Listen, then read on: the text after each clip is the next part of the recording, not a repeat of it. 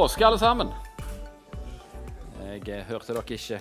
God påske, alle sammen. Takk, det var bedre. Det er godt å være her. Vi skulle jo egentlig vært samla på torsdag. Da var jeg syk. Men nå har jeg oppstått igjen. Det var en vits, vits som Ansgar fortalte. Jeg syns den var ganske god. Um, ja, jeg, jeg, nærmer meg i hvert fall frisk, så det er bra. Um, godt å være her. Godt å samles på første påskedag, seiersdagen. Uh, I dag så uh, skal vi snakke litt om uh, noe som ja, som se, Jeg må kanskje sette den her i Ja, Det pleier ofte å være en god idé.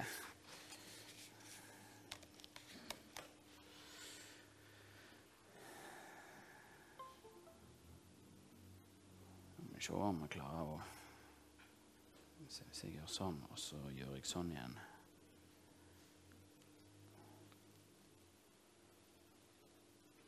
ja. I dag har jeg min overskrift 'Guds underskrift'. Oppstandelsen. Kjære Jesus, jeg bare ber om at du skal være med oss i dag. At du skal åpenbare deg som den levende Gud du er. For du er ikke død. Du ligger ikke i grava. Nei, du ble korsfesta. Ja, du ble gravlagt. Men du sto opp igjen, og du lever. Eh, og det er det som er sannheten. Eh, og det er sant til evig tid. Amen. I dag skal jeg altså snakke om Guds underskrift. Eh, jeg vet ikke om dere har skrevet noen kontrakter i deres liv. Det kan godt være at dere har. For at en skriftlige skriftlig kontrakt skal være gyldig, så må du ha en underskrift fra de partene som det angår. Jeg kan skrive et veldig flott dokument der det står at 'nå eier jeg H gamle prestegård'. Men det betyr veldig lite, med mindre de ansvarlige eierne stadfester det med en underskrift.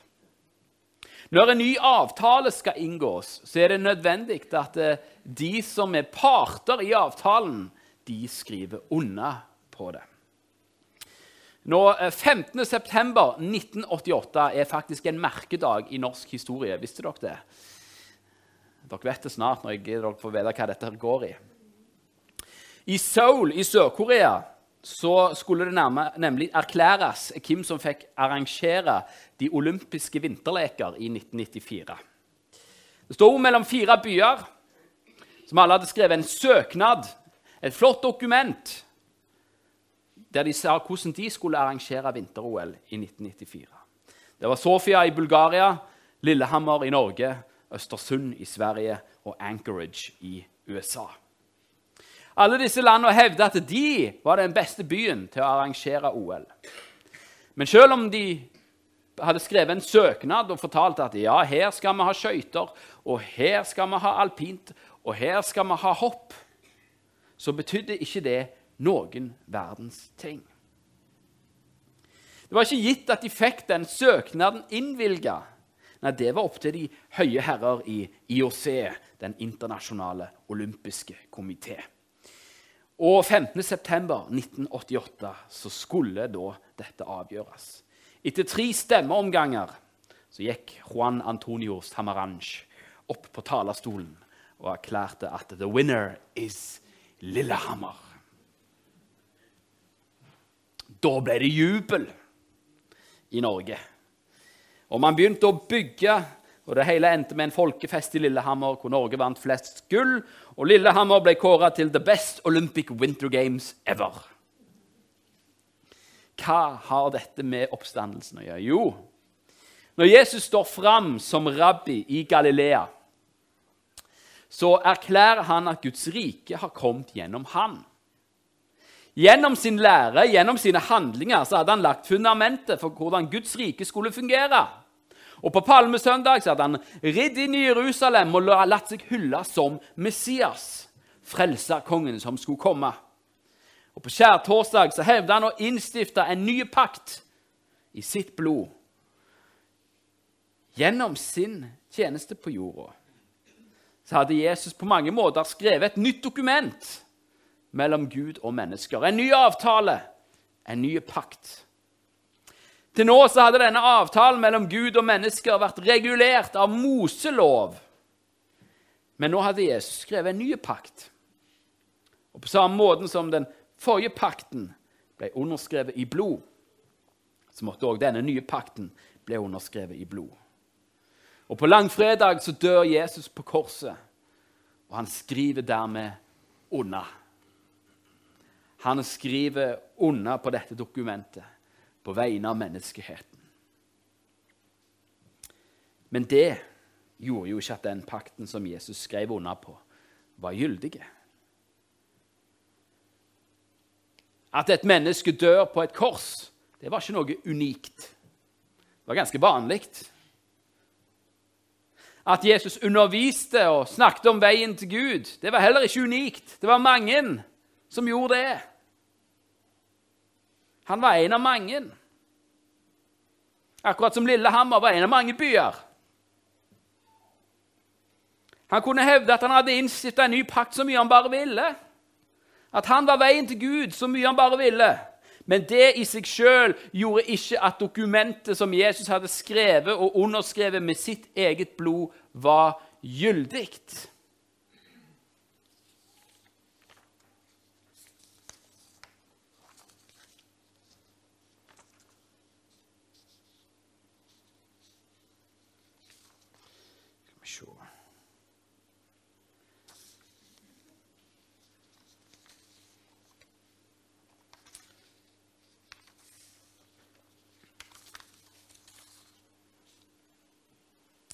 Tror jeg at litt av dokumentet mitt har uh, forsvunnet. Det er helt sant, det har det. Uh, men vi skal i hvert fall lese.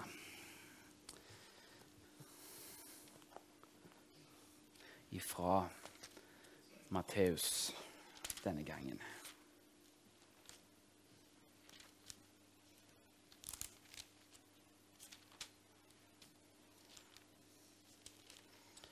skal jeg se om jeg finner dokumentet mitt her. Matteus 28. Vi velger den i dag. 28.1 til, til 15. Skal vi se om jeg eh, finner teksten her.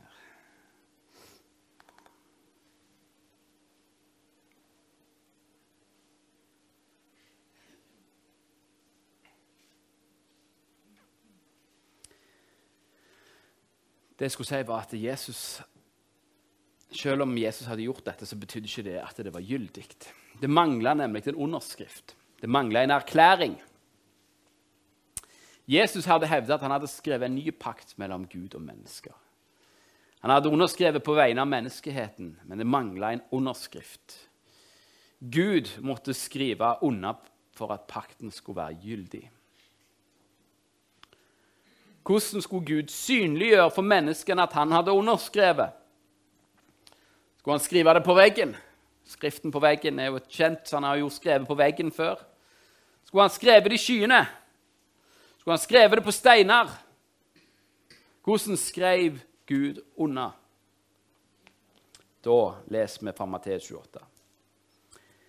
Etter sabbaten, da det lysnet mot første dag i uken, kom Maria Magdalena og den andre Maria for å se til graven. Og se, det ble et stort jordskjelv for en Herrens engel steg ned fra himmelen, gikk fram og rullet steinen til side og satte seg på den. Han var som lyn å se til, og klærne hans var hvite som snø. De som holdt vakt, skalv av redsel for ham, og de ble som døde. Men engelen tok til orde og sa til kvinnene, frykt ikke. Jeg vet at dere søker Jesus, den korsfestede. Han er ikke her. Han er blitt reist opp, slik som han sa. Kom og se stedet hvor han lå. Skynd dere nå av sted og si til disiplene hans, han har reist opp fra de døde. Og se, han går i forveien for dere til Galilea. Der skal dere se ham. Se, jeg har sagt dere dette. De skyndte seg der bort fra graven med frykt og stor glede. De løp av sted for å fortelle det til disiplene hans. Og se, Jesus kom i møte med dem og sa, 'Vær hilset.' De gikk da fram og omfavnet føttene hans og tilba ham. Da sier Jesus til dem, 'Frykt ikke. Gå og si til mine brødre at de skal dra til Galilea. Der skal de se meg. Mens de ennå var på veien, se da kom noen av vaktstyrken inn til byen og meldte fra til yppersteprestene om alt som var skjedd. Da kom disse sammen med de eldste til rådslagning, og de ga soldatene rikelig med penger og sa:" Dere skal si, disiplene hans kom om natten og stjal ham mens vi sov. Og skulle det komme landshøvdingen for øre, skal vi tale vel med ham, så dere kan være trygge. De tok imot pengene og gjorde som de fikk beskjed om. Og dette ryktet ble spredt blant jødene og har holdt seg til denne dag. Vi stanser der. Noe nytt har skjedd.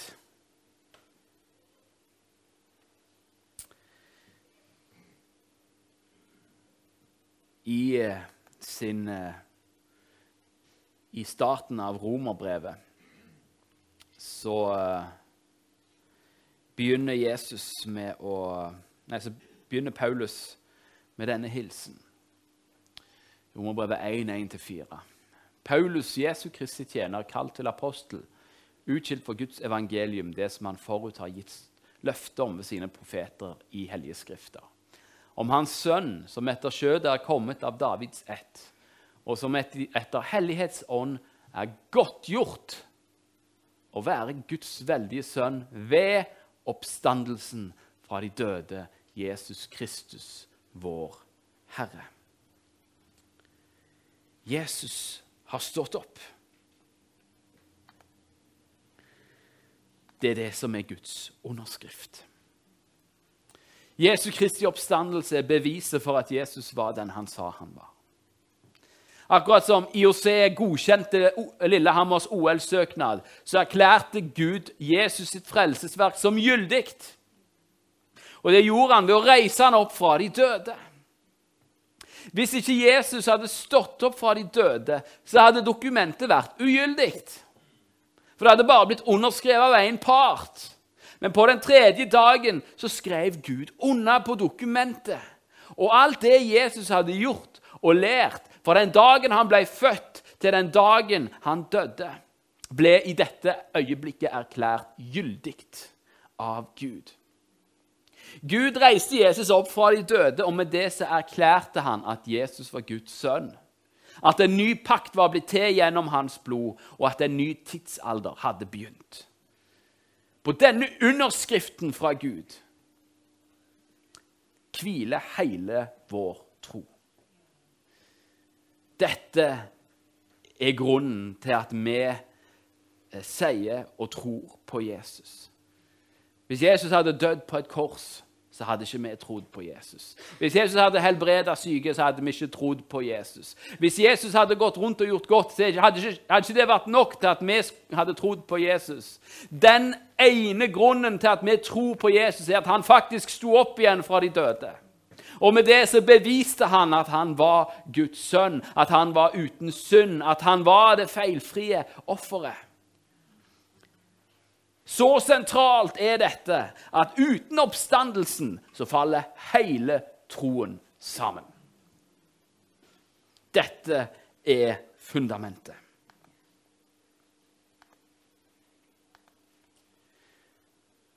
Jeg skal lese en litt lang tekst der Paulus virkelig viser hva dette her vil si. Første Korinterbrev 15.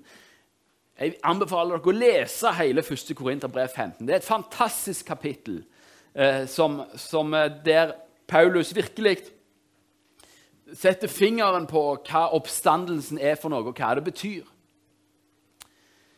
I 1. Korinterbrev 15, 13-22 så sier Paulus at dersom det ikke er noen oppstandelse fra de døde, da heller ikke Kristus reist opp. Men er Kristus ikke reist opp, da er vår forkynnelse ingenting. Hvis ikke Kristus er reist opp, så er vår forkynnelse ingenting. Vi kan ikke snakke om Jesus som en god morallærer, for det var ikke det han sa at han var. Han sa at han var veien til Gud. Hvis Kristus ikke har stått opp fra de døde, så er det jeg står her og sier, ingenting. Og den troen dere har, er intet. Da blir vi stående som falske vitner om Gud, for vi har vitnet mot Gud at han har reist Kristus opp, noe han altså ikke har gjort, dersom det er så at de døde ikke reises opp. For dersom de døde ikke reises opp, da er heller ikke Kristus reist opp. Men er ikke Kristus reist opp, da har dere en unyttig tro. Og da er dere ennå i deres synder. Da er også de fortapt som er sovnet inn i Kristus. Har vi bare i dette livet satt vårt håp til Kristus, da er vi de ynkverdigste, altså de ynkeligste, av alle mennesker.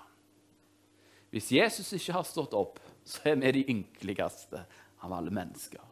Fordi vi har satt vårt håp til en løgn og til noe som bare er tull og vas. Men så kommer det et men. Så kommer det et men.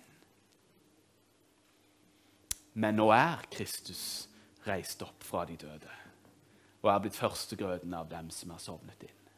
For ettersom døden kom ved et menneske, så er også de dødes oppstandelse kommet ved et menneske. For like som alle dør i Adam, slik skal også alle bli gjort levende i Kristus. Der er vårt håp. Det er det som er vårt håp. Kristus har stått opp. Og det er helt sant, som, eh, som Blaga sa, at det har vært en vanlig kristen hilsen på første påskedag at man har sagt 'Kristus er oppstanden', og så svarer resten av befolkningen eller resten av forsamlingen 'Han er sannelig oppstanden'. Så nå kan vi prøve det en gang. Kristus er oppstanden! Amen. Amen. Halleluja. Og dette endrer alt. Vi leste at de ypperste prestene de betalte penger og satte ut et rykte om Jesus. Hvorfor det? Fordi de visste at hvis Jesus hadde stått opp fra de døde, så endrer det alt. Det var derfor de ville holde det skjult. Hvordan endrer Jesu oppstandelse alt? Jo, fordi fram til dette punktet i menneskehetens historie kunne man alltid true noen med døden. Hvis du hadde et problem, så kunne du alltid ta livet av det. Døden var slutten på alt.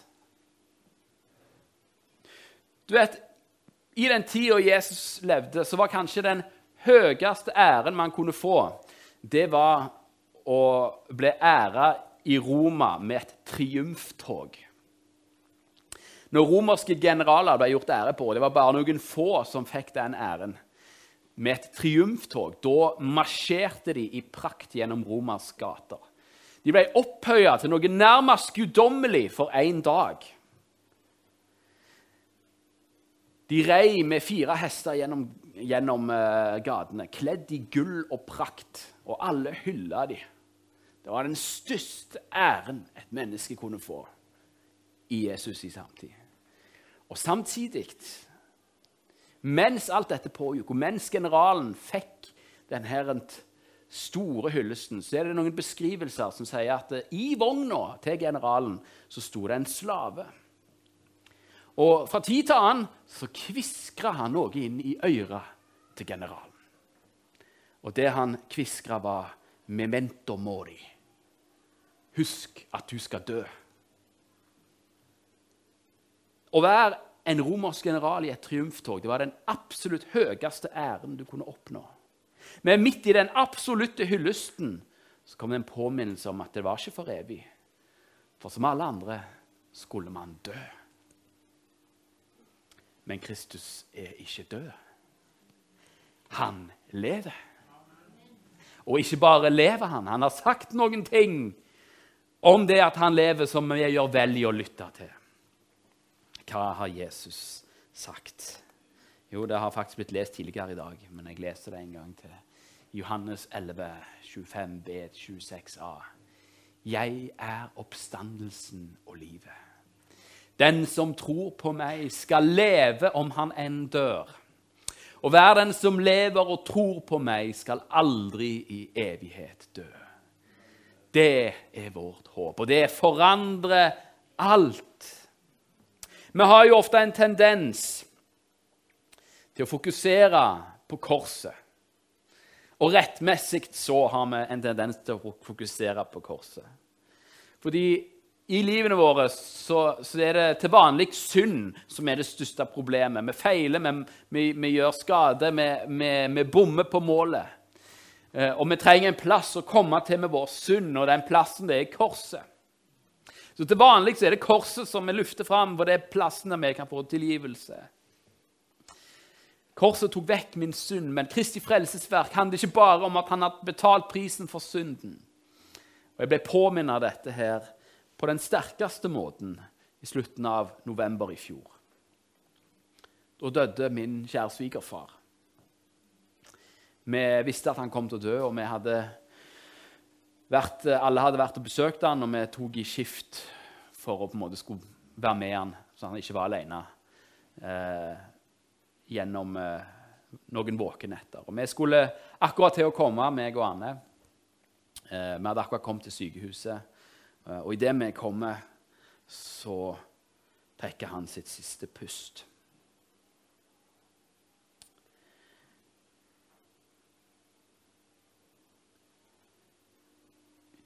Når du møter døden, så kommer tårer, og så kommer sorg. Og jeg kjente både tårer og sorg. Men så, midt i dette, så klarte jeg likevel å kjenne glede og fred fordi jeg innså noe. Jesus kom ikke bare for å ta vekk min synd. Han kom òg for å ta vekk syndens konsekvens, og det er døden. Kristus er oppstått. Hva betyr dette? Jo, det betyr at døden ikke er slutten. Det betyr at det ikke lenger er farlig å dø. Jeg trenger ikke lenger å frykte døden, for jeg vet hvem som er herre over døden. Det var grunnen til at jeg kunne smile midt i alle tårene. For hver den som tror på meg, skal aldri i evighet dø. Og disiplene de levde som om dette var sant. Derfor var det aldri noen som kunne true disiplene til stillhet. De fortsatte å formidle evangeliet, selv om de ble trua, selv om de ble slått, selv om de mista livet. Hva var det Paulus sa i Filipperbrevet 1.21? Jo, han sa For meg er det å leve av Kristus. Å dø er en vinning.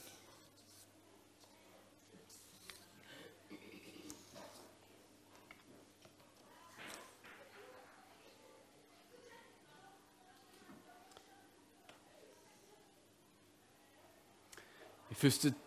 Tessaloniker 4, 13-14 så sier Paulus men vi vil ikke, brødre, at dere skal være uvitende om dem som har sovnet inn for at dere ikke skal sørge som de andre, de som ikke har håp.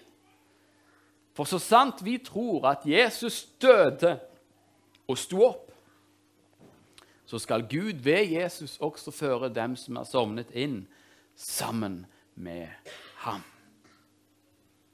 Dette er vårt håp. Kristus er oppstått. Jesus lever. Og jeg kan få lov til å glede meg og fryde meg i Han.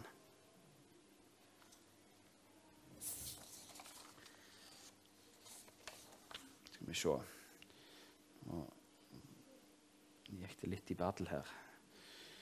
Så skal jeg bare ta de siste. Det jeg har lyst til å avslutte med her denne formiddagen, det er slutten av 1. Korinterbrev 15. 55-57. Der sier Paulus Han erklærer på en måte seier. Han sier, 'Død, hvor er din brodd?' Død, hvor er din seier? Dødens brodd er synden, og syndens kraft er loven. Men Gud være takk, som gir oss seier ved vår Herre Jesus Kristus. Dødens brodd er synden, men Jesus har tatt seg av synden. Syndens kraft er loven. Jesus oppfylte loven. Og Dermed er både loven og syndens krav oppfylt. Og døden, som, som eh, kom til å herske ved et menneske, har ikke noen makt lenger. Det endrer alt. Det forandrer alt. Jesus Kristus har stått opp fra de døde. Det er game over. Jesus har seira. Og i dette at Jesus har seira, i dette at Jesus har dødd på korset og stått opp igjen, så kan vi få lov til å leve med et håp som ikke skuffer, med, med, en, med en forventning om et liv. Disiplene trodde at korsfestelsen var slutten, men oppstandelsen viser at det var bare begynnelsen. Og i den begynnelsen, den lever vi alle i. Og når døden kommer, så er ikke det slutten. Det er begynnelsen på et liv sammen med Jesus for evig og evig og evig og evig og alltid. Vi skal feire nattverd sammen. Dette er den nye pakt i Jesu blod.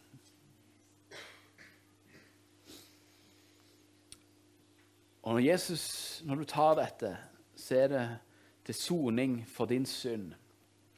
Poenget med at han skal sone din synd, poenget med å spise dette og drikke dette, det er at du skal leve. At du skal leve og leve i evighet sammen med Kristus. Det er det vi skal feire nå. Skal vi be først før vi feirer nattverd?